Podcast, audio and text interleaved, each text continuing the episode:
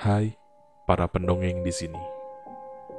Hari ini kita akan mendengarkan sebuah cerita dari pengalaman yang pernah kualami.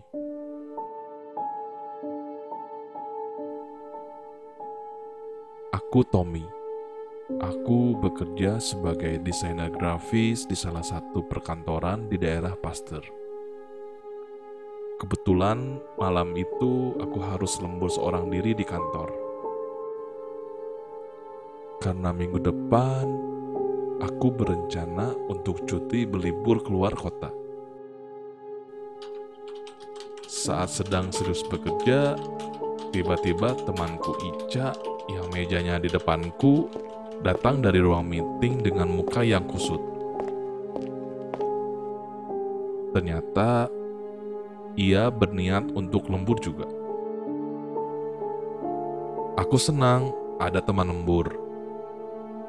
Berhubung gedung kantorku terbilang tua dan rumornya lumayan angker.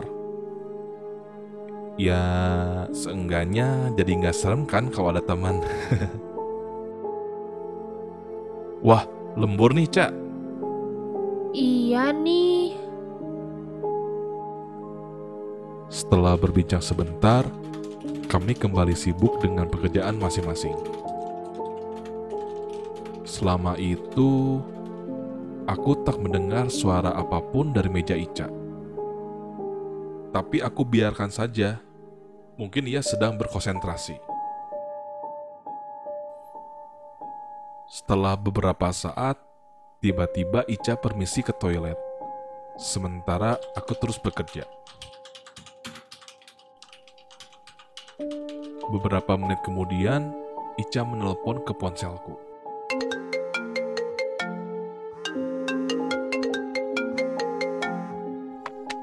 Halo? Halo Tom. Tolong dong liatin di mejaku ada chargeranku nggak ya? Kayaknya ketinggalan nih. Hmm, oke, bentar ya. Ada nih, Cak, masih nyolok ke soket. Ah, syukurlah. Gue cari-cari di tas nggak ada. Ternyata lupa nyabut gue. Ya udah, coba cabutin ya. Terus masukin laci aja deh. Besok pagi gue ambil. Hah? Besok pagi? Kamu di mana, Cak? Masih di toilet? Toilet? Gua di rumah, Tom. Kan udah pulang dari tadi sore. I, I, Ica di rumah?